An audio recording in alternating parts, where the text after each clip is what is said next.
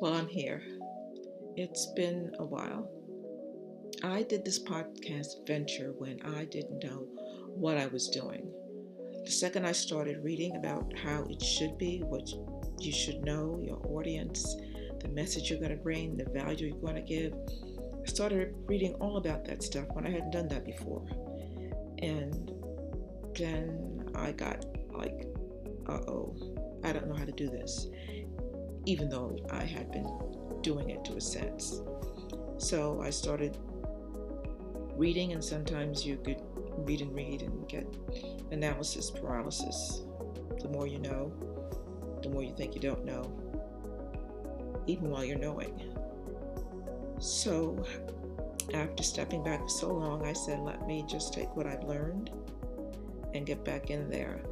What I did learn was how to turn my podcast picture right side up because it had been laying on its side for a while and I learned that. And as you can tell I learned how to do some music. But the important stuff I'm still trying to figure out who is the audience? What value am I giving? Am I giving any value? And then that there's that word value. It's going around a lot.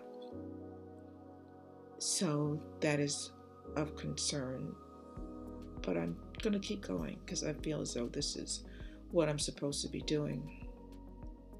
One thing that I heard and I've heard a lot of stuff, but I will just talk about brand because that the definition of that was just very intriguing to me. You always hear about brand, brand, brand.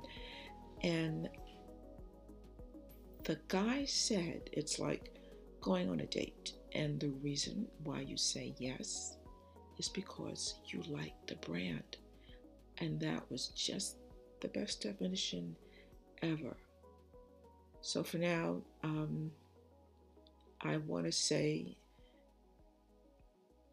there's a lot of new things being tried during this period, new directions being taken, new ideas being thought about. And just Keep going. Don't stop.